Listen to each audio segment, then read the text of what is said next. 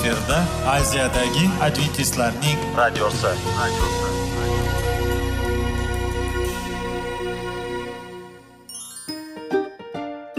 Assalomu alaykum aziz radio tinglovchilar. Sog'liq daqiqasi rubrikasiga xush kelibsiz. Zero tananing sog'lom bo'lishi va uning kasalliklardan saqlash har bir insonning burchi hisoblanadi. Inson uchun bebaho boylik bu sog'liq salomatlikdir. Uni asrash esa har birimizga omonat qilib berilgan. Shuning uchun ham inson o'z sog'lig'ini ehtiyot qilishi va ajib amallardan hisoblanadi. Dono xalqimiz sog'liq tuman boylik deb bejiz aytmagan. Aql idroq sohibi bo'lgan inson o'z hayotini qadrlashi lozim bo'ladi. Hozirgi kunda qanchalik dori darmonlar ko'paymasin tibbiy muassa sifati shifokorlar vasiyasi tibbiy texnika yaxshilanmasin. Agar insonning o'z salomatligi haqida qayg'urmasa kutilgan natijaga erishib bo'lmaydi va biz sizlarga bizning dasturimizga xush kelibsiz deymiz.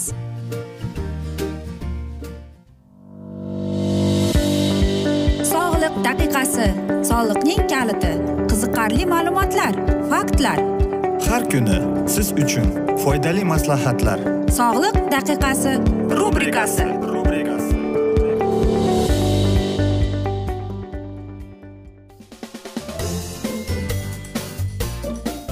assalomu alaykum aziz radio tinglovchilar. Dasturimizga xush kelibsiz va biz sizlar bilan besh daqiqa sog'liq uchun deb atalgan dasturda xushvaqt bo'ling deb aytamiz. Va bugungi dasturimizning mavzusi bu eng ideal vazn deb ataladi va bu ikkinchi dasturimizdir. Va biz sizlarga o'tgan galgi dasturlarimizda ham aytib o'tgan edik. Keling hozir e, biz sizlarga birozgina hisobotlarni aytib chiqmoqchimiz. Qarang agar erkak kishining bo'yi bir ellik yetti bo'lsa uning e, suyagi ya'ni skeleti e, uning tana tuzilishi aytaylikki ingichka ichka e, suyaklari ellik ikki ellik besh o'rtachalari ellik to'rt oltmish kattalari ellik sakkiz ellik beshdan bo'lishi kerak ekan. Qarang bu suyaklarning hisoboti agar erkak kishini bo'yi bir to'qson uch bo'lsa yetmish olti bo'lishi kerak ekan. Ayollarda esa deyapti bo'yi bir qirq yetti bo'lsa ichkilari deydi. Qirq uchu besh qirq yetti ikki. O'rtachalari deydi qirq beshu sakkiz ellik biri uch. Yog'onlari deydi qirq to'qqizu to'rt ellik olti yetti. Agar ayol kishining bo'yi bir ellik ikki bo'lsa unda ichka suyaklari qirq olti uch qirq to'qqizu to'qqiz. O'rtachalari qirq sakkizu besh ellik to'rtu nol yog'onlari esa ellik ikki ikki ellik to'qqiz to'rt. Biri ellik yetti bo'lsa qirq to'qqiz nol ellik ikki nol e, bu ichka suyaklari. O'rtachalari o'rtachalari esa ellik bir uch ellik yetti ikki. Bu o'rtacha. Yog'onlari esa ellik to'rt to'qqiz oltmish ikki olti. Biri oltmish uch bo'lsa uning ichka suyaklari ellik bir yetti ellik besh sakkiz. E, o'rtachalari ellik to'rt to'rt oltmish bir ikki. ellik sakkiz besh oltmish olti ikki.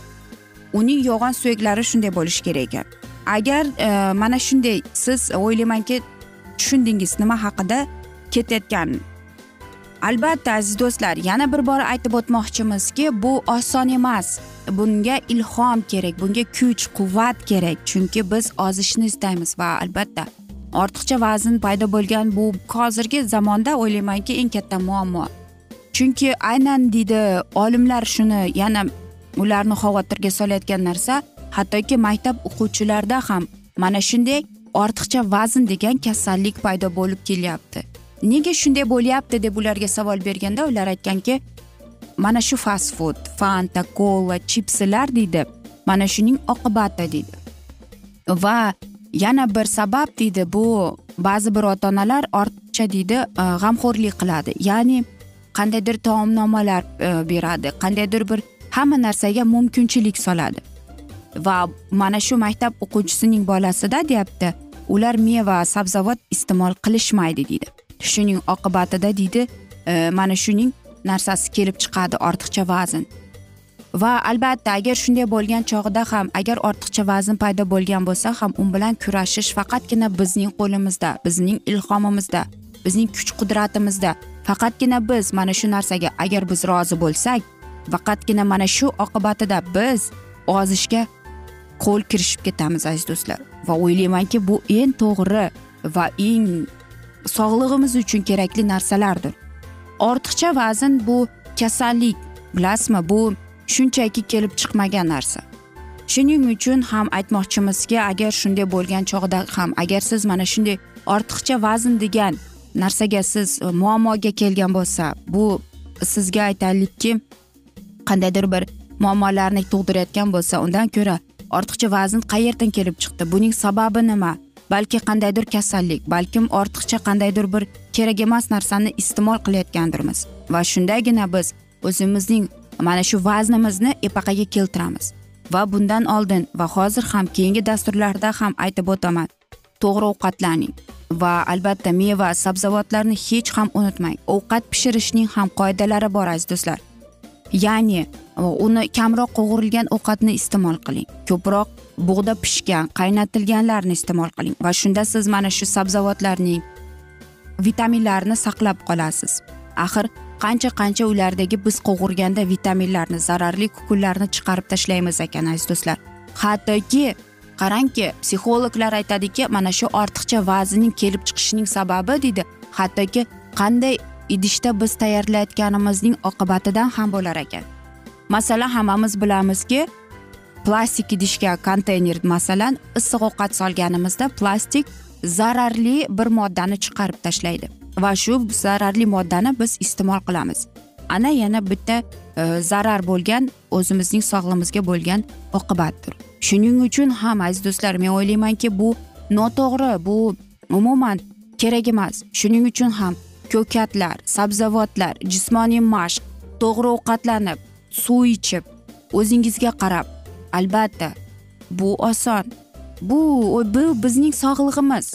Lekin agar siz o'zingizning vazningiz bilan mamnun bo'lsangiz ozimayman menga shunday yoqadi desangiz unda shifokorga borib bu zarar emasmi balkim qandaydir kasallik paydo bo'ldimikin deyishdan e, bo'lmasligi uchun shifokorga borib ko'rinib kerakli muolajalarni topshirib qilib yasab keyingina yo'q sizda hech qanday kasallik yo'q. Bu ortiqcha vazn shunchaki e, aytaylikki yoshingizga yarasha desa unda albatta bu sizning tanlovingizdir aziz do'stlar. Biz esa faqatgina sizlarga sog'liq tilab qolamiz. Va mana shunday asnoda aziz do'stlar biz bugungi dasturimizni yakunlab qolamiz. Afsuski vaqt birozgina chetlatilgan lekin keyingi dasturlarda albatta mana shu mavzuni yana o'qib eshittiramiz. Va sizlarda savollar tug'ilgan bo'lsa biz sizlarni salomat klub internet saytimizga taklif qilib qolamiz. Yoki e, whatsapp orqali bizga murojaat etishingiz mumkin. Bizning whatsapp raqamimiz plyus bir uch yuz bir yetti yuz oltmish oltmish yetmish aziz do'stlar. Va yana bir bor qaytarib o'taman plyus bir uch yuz bir yetti yuz oltmish oltmish yetmish. Aziz do'stlar va biz sizlar bilan xayrlashar ekanmiz. Sizlarga oilangizga tinchlik totuvlik sog'lik salomatlik tilab o'zingizni va yaqinlaringizni ehtiyot qiling deymiz.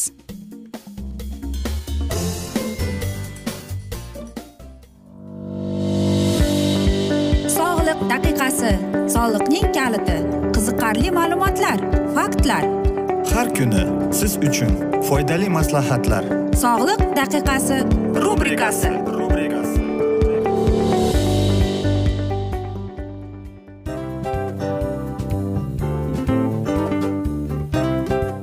mana ha hayotda hamma narsaning yaxshi narsalar tugaydi va yakunlaydi degandek bizning dasturimizga ham yakun keldi. O'ylaymanki bizning dasturimiz sizga foydali bo'ldi deb aziz radio tinglovchimiz. Va siz o'zingiz uchun kerakli xulosalar kerakli maslahatlar olib oldingiz. Aziz radio tinglovchimiz biz bilan qoling va keyingi dasturlarimiz albatta undanda qiziqroq bo'ladi. Mana shu alfozda sizlar bilan xayrlashib qolaman.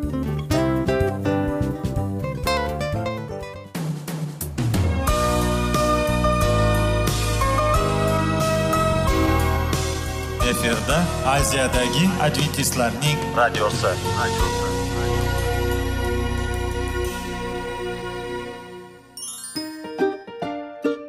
assalomu alaykum aziz radio tinglovchilarimiz. Dil izhori dasturimizga xush kelibsiz. Pul insonni baxtli qiladimi? Albatta yo'q. Sog'liqchi? Albatta bo'lishi mumkindir. Lekin olimlar shuni isbotlashdiki to'liq va mukammal munosabatlar insonlarni baxtli qilar ekan.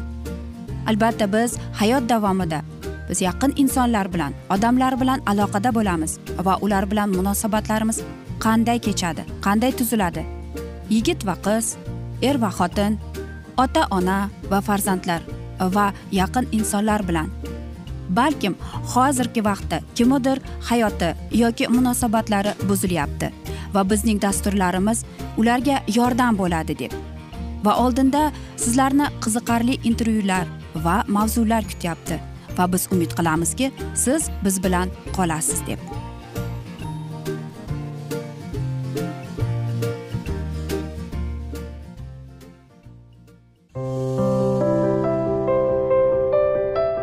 Har kuni har xil kasbdagi odamlar bilan sirlashish va bo'lishish sevgi rashq munosabat. Bularni hammasi dil izhori rubrikasida.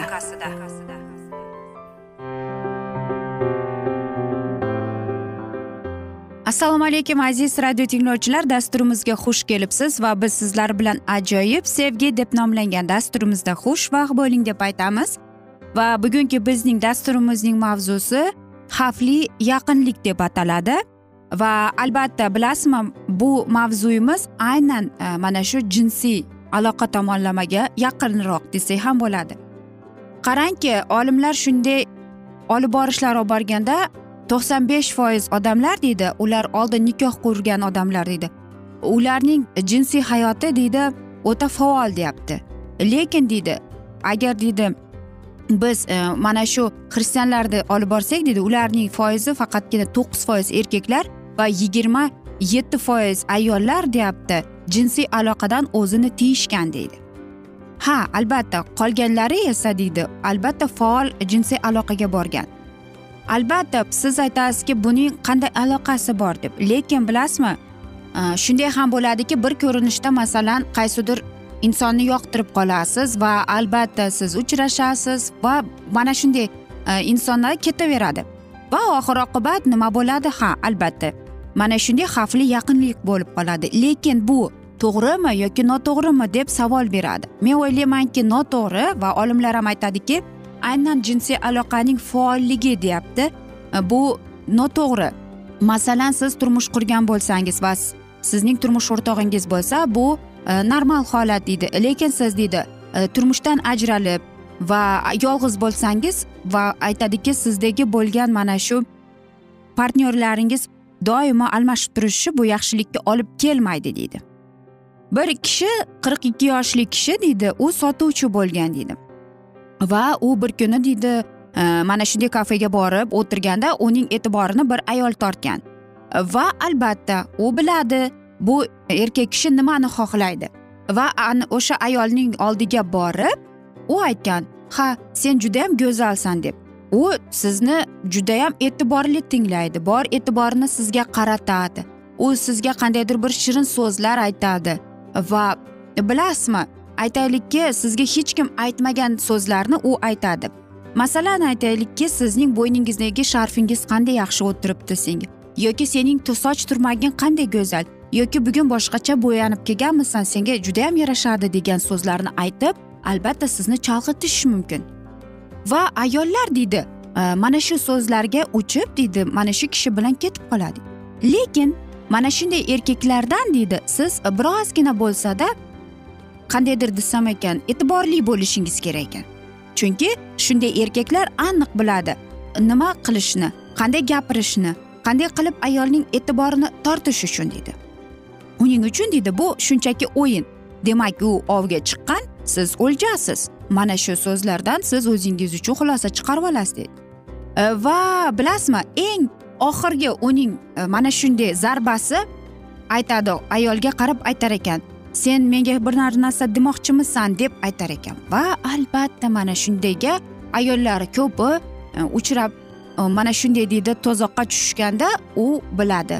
Demak bugun bu hammasi yaxshi bo'ladi deb. Albatta aziz do'stlar bu yaxshi emas lekin aynan mana shunday. Aloqalar kasalliklarga ham olib keladi. Lekin afsuski hozirgi e, mana shundaylar ham bo'ladiki ayollarning hisobiga yashaydigan erkaklar ham bo'ladi. Lekin bu faqat erkaklarda emas shunday ayollar ham bor. Bu yerda masalan e, erkak kishi yoki ayol kishi emas. Hozir ko'p aytadi hozir yigirma birinchi asr bizning qo'limizdan hamma narsa keladi hamma narsa mumkin deb lekin shunday bir majburiyatlar bo'ladi va o'ylaymanki har bir insonda har bir ayolda o'zining yashovchi prinsiplari bo'lishi kerak. Demak masalan ayol kishi turmush o'rtog'idan masalan aytaylikki beva bo'lib qoldi yoki ajrashib ketdi bu degani sen har xil erkaklar bilan uchrashish emas yoki ayol erkak kishi ayoli vafot etdi va yoki ajrashib ketdi. Yo'q aziz do'stlar. U mana shunday keraksiz aloqalarni bo'lishining sababi bo'lishi kerak emas deb o'ylayman. Chunki birinchi o'rinda inson pokiza bo'lishi kerak. Axir muqaddas kitobda e, shunday so'z borki sizning tanangiz bu xudoning uyidir deb. Shuning uchun ham agar siz mana shu uyni iflos qilgingiz kelmasa kerak emas jinsiy aloqalar bilan harom qilgingiz kelmasa o'ylaymanki o'zingizni tiyasiz deb. Va olimlar aytadiki ko'pincha ayollar mana shunday deydi erkaklarning e'tibori ularga qaratilganda ular o'zini baxtiyor his qiladi. Lekin deydi bu ayollar ehtiyot bo'lishi kerakki chunki shunday erkaklar borki ular aytaylikki birorta joyga borib mana shunday ayolni ko'rsa ular qanday so'z aytishni qanday ularni ifodalab qandaydir bir chalg'itishni bilar ekan. Va aynan mana shunday erkaklar ayollardan nima olishni nima xohlaydi ayoldan aniq va ravshon biladi. Shuning uchun ham besh daqiqalik mana shunday xohishga berib berilib ketmasdan o'ta ehtiyotkorona mana shu insonni siz yaxshi bilasizmi yo'qmi? Va mana shunday qandaydir bir prinsiplaringiz bo'lsa ularga rioya qilib yashab kelgan yaxshiroqdir. Va yana bir bor aytib o'tmoqchimanki shifokorlar aytadi kerak emas jinsiy aloqalar ko'plar kasalliklarga olib keladi deb. Ayollarda esa ko'proq bu bepushtlik bo'lib qoladi. Erkaklarda esa har xil kasalliklar. Shuning uchun ham o'ylaymanki ajrashgan juftliklar yaxshilab o'ylanib ko'radi va o'z to'g'ri va o'ylaymanki chinakam tanlovini qiladi deb. Biz esa aziz do'stlar mana shunday asnoda bugungi dasturimizni yakunlab qolamiz chunki vaqt birozgina chetlatilgan. Lekin keyingi dasturlarda albatta mana shu mavzuni yana o'qib eshittiramiz. Men umid qilamanki siz bizni tark etmaysiz deb chunki oldinda bundanda qiziq bundanda foydali dasturlar kutib kelmoqda deymiz. Biz esa sizlarga va oilangizga tinchlik totuvlik sog'lik salomatlik tilab va albatta o'zingizni va yaqinlaringizni ehtiyot qiling deb qolamiz va eng asosiy bizning shiorimiz seving seviling deb xayrlashib qolamiz.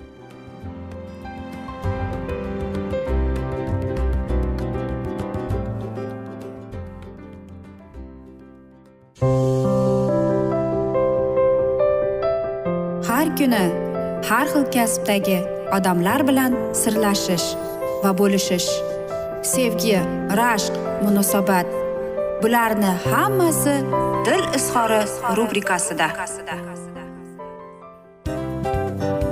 Mana aziz radio tinglovchimiz bizning go'zal va foydali va chiroyli dasturimiz yakunlanib bormoqda. Sizlarga birozgina maslahat berib o'tmoqchi edik. Bir biringizni seving qadringizga yeting va erkalang albatta bir biringizni va sizga judayam chiroyli va mustahkam munosabatlar tilab qolamiz albatta. Sevgilingiz doimo yoningizda bo'lsin. Mana shu borada sizlar bilan xayrlashib qolamiz. Xayr.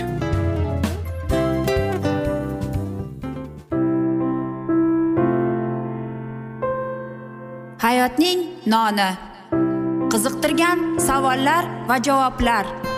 Buning hammasi ko'ngil uchun oziqa rubrikasida.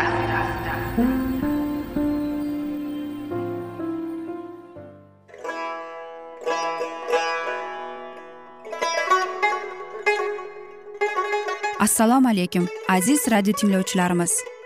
Ko'ngil uchun oziqa rubrikasida xush kelibsiz deymiz. Siz haqiqatni izlayapsizmi? Olamnimi umidnimi siz kimga murojaat qilmoqchisiz? Odamlar ko'pincha siyosat kuchiga tayanadilar. Dunyo iqtisodiyoti holati tobora chuqurlashib bormoqda. Tabiiy ofatlar va texnogen halokatlar minglab insonlarning hayotini olib ketib juda katta zarar yetkazmoqda. Sizga abadiy hayot inomini hadya qiluvchi va hayotingizni tubdan o'zgartiruvchi haqiqatni izlab toping. Xudo haqidagi haqiqat uning kalomida mujassamlashgan. Kimki bu haqiqatni butun qalbi bilan izlasa albatta unga yetishadi. Bu sevgi xudoning tarixidir. Hayotingizda yoki sizning yon atrofingizdagi olamda nimalar yuz berishidan qat'iy nazar siz ertagi kunga buyuk umid va ishonch hosil qilishingiz mumkin. Hozirda xudo sizga taklif qilayotgan umid ishonchga o'z qalbingizni oching va sizni qiziqtirayotgan mavzularni savollaringizga javoblaringizni topib olasiz deb umid qilamiz. Biz bilan qoling.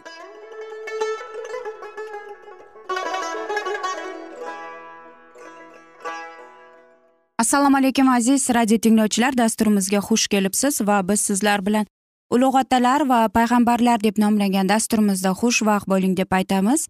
Va bugungi bizning dasturimizning mavzusi isroilning birinchi podshohi deb ataladi.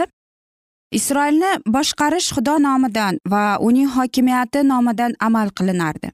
Musoning vazifasi shuningdek yetmish oqsoqollarga boshliq va hakamlarga beriladigan vazifalarni faqat xudo tayinlagan qonunlarni hayotga o'tkazishdan iborat bo'lgan.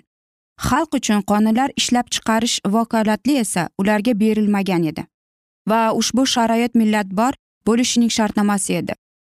Xalqqa nasihat berish uchun ilohiy qonunlar asosida yashashga o'rgatish uchun davrdan davrga xudodan ilhomlangan insonlar yuborilardi isroil podshohi talab qilinishni xudovand azaldan bilardi ammo davlat tuzilgan asoslarni u o'zgartirishga ko'nmadi. Podshoh tayinlaganda ham u parvardigori olamining o'rinbosari bo'la olardi. Xudo xalqning tan olingan egasi bo'lib qolaverardi. Uning qonuni esa mamlakatning oliy qonuni deb hurmat qilinishi lozim edi. Boshida isroilliklar kanonda joylashganlarida ular teoretik boshqarish asoslarini tan oladi va millat yasu nabi boshqarmasida gullab yashnardi. Ammo xalq sonining ko'payishi va boshqa mamlakatning bilan o'zaro munosabatlar o'zgarishlar kiritildi. Isroil xalqi o'z majusiy qo'shnilarining axloqsiz odatlariga o'rgandi. Ularning e, hayotiga kiritdi va shunday qilib ko'p narsalarda o'z alohida bo'lgan muqaddasligini yo'qotdi. Asta sekin yahudiylar ehtirom deganini yo'qotdilar va parvardigorining tanlagan xalqning afzalligini qadrlay qo'ymadi majusiy podshohlarning hashamatli va porlog'i bilan mag'lub bo'lib ular o'z oddiyligidan uyaladigan bo'ldilar. Qavmlar orasida rashq hasad paydo bo'ldi. Ichki to'qnashuvlar ularni ojizlantirardi. Dushmanli muomalada e, bo'lgan majusiylar doimo ularga va yergalikka hujum qilaverardi. Va xalq ichida o'z holatini saqlab qolish uchun hamma qavmlar tanho kuchli vakolat ostida birlashishlari lozim degan fikr tug'ildi. Ilohiy qonunga bo'ysunishdan bosh tortib ular ilohiy hokimiyatdan bo'shashni xohlashardi va shunday qilib podshohni orzu qilish butun isroilning umumiy talabiga aylanadi. Nabu yasi kunlaridan shomuil kabi buyuk donolik ila va muvaffaqiyatli isroilni hech kim boshqarmardi. Xudodan uch darajali xizmatga aylandi. Shomuil hakam payg'ambar va ruhoniy sifatida o'z xalqining farovonligi uchun tinmay ta'magarsiz mehnat qildi. Va millat uning donishmand rahbarligi ostida gullab yashnardi. Butun joylarda tartib tiklandi. Xalq xudodan qo'rqardi uni hurmat qilardi va bir qaysi vaqtgacha norozilik ruhi tindi. Ammo qarigandan keyin payg'ambar o'z mehnatining og'irligini boshqalar bilan bo'lishishga majbur bo'ldi va o'z ikki o'g'lini o'ziga yordamchi qilib tayinladi. Shamoil o'z majburiyatlarini ramada bajarganida yosh yigitlar mamlakatning janubiy chegarasida yashovchi xalq orasida haqqoniy hukm chiqarish uchun ber shevada o'rnashdilar. O'g'illarini shu xizmatga ayirishga xalq rozi bo'ldi ammo ular otasining ishonchini amalda ko'rsatmadilar. Muso orqali xudovand o'z xalqiga maxsus ko'rsatmalar bergandi. Isroil boshliqlari haqqoniy hukm chiqarishlari beva va yetimlarga diyonatli muomala qilishlari va pora olmasliklari lozim edi. Ammo shamoil o'g'illari ta'magarlikka yo'l berdilar hadyalar olishardi va noto'g'ri hukm qilishardi. O'g'illarida belgili asoslarni muhrlash harakati behuda bo'ldi. Ular otalarining sodda ta'magarsiz hayotida taqlid qilmasdilar. Aliga yuborilgan ogohlantirish shamoilga deyarli ta'sir ko'rsatmadi. O'g'illariga nisbatan haddan oshiq beparvolik ularning tabiatida va hayotida akslanmay qolmadi. Bu hakamlarning haqqonsizligi norozilik tug'dirdi va boshqarishni o'zgartirish uchun sabab bo'ldi. Shu o'zgarishlarni xalq sirli orzu qilardi va isroilning hamma oqsoqollari yig'ilib shamoil huzuriga ramaga keldilar va unga dedilar mana sen qariding sening o'g'illaring esa sening yo'llaringdan yurishmaydi. Demak bizning ustimizdan podshohni qo'ygin toki u bizga boshqa xalqlarda bo'lganidek hukm qilsin. Shomoil o'g'illarining xatti harakatini bilmasdi. Agarda ularning betafiq xulq atrofi unga belgili bo'lganida u shu onda ularni xizmatlaridan olib tashlardi. Ammo suroq bilan kelganlar uni xohlamasdilar. Ularning g'azablanganlarini u payqadi. Iftifoqorlik bilan e'lon etgan talablari o'ylab qaror chiqarilganning natijasini ekanini shamoil tushundi. Shamoilga na bir shikoyat degan narsa taklif qilinsa ekan uning diyonatli va dono boshqarishni hamma e'tirof qilardi. Ammo keksa payg'ambar aytilgan so'zlarida o'ziga nisbatan norozilik ko'rardi va uni rahbarlik lavozimidan tushirmoqchi ekanlar deb o'ylardi. U o'z hislatlarini ayon qilmadi. Na bir ta'na qilish so'z aytmadi. Faqat xudoga ibodatini yo'llantirdi va faqat undan nasihat so'radi. Va xudovand shamoilga dedi xalqning ovoziga quloq solgin. Hamma aytganlarini tingla. Zeroki ular seni tark etmadilar. Ammo men ularga podshohlik qilmasligim uchun meni tark etdilar. Men ularni misrdan chiqargan kunimdan boshlab to bugungi kungacha menga qanday muomala qilsalar meni qoldirib boshqa xudolarga sig'insalar ular senga nisbatan xuddi shunday muomaladadir deb. Bu so'zlarni eshitgach payg'ambar xalqning xulq atrofini o'z ustiga oldi va eshitgan so'zlarida o'ziga ta'na qilinishi sezdi. Ular esa unga emas xudoning saltanatiga ehtiromsizlik namoyon qildilar chunki o'z xalqiga boshliqlarini u tayinlagan. Aziz do'stlar biz esa mana shunday asnoda bugungi dasturimizni yakunlab qolamiz chunki vaqt birozgina chetlatilgan. Lekin keyingi dasturlarda albatta mana shu mavzuni yana o'qib eshittiramiz. Va agar sizlarda savollar tug'ilgan bo'lsa biz bilan whatsapp orqali aloqaga chiqsangiz bo'ladi. Bizning whatsapp raqamimiz plyus bir uch yuz bir yetti yuz oltmish oltmish yetmish. Aziz do'stlar umid qilaman bizni tark etmaysiz deb chunki oldinda bundanda qiziq va foydali dasturlar kutib kelmoqda deymiz. Va biz sizlarga va oilangizga tinchlik totuvlik tilab xayrlashib qolamiz.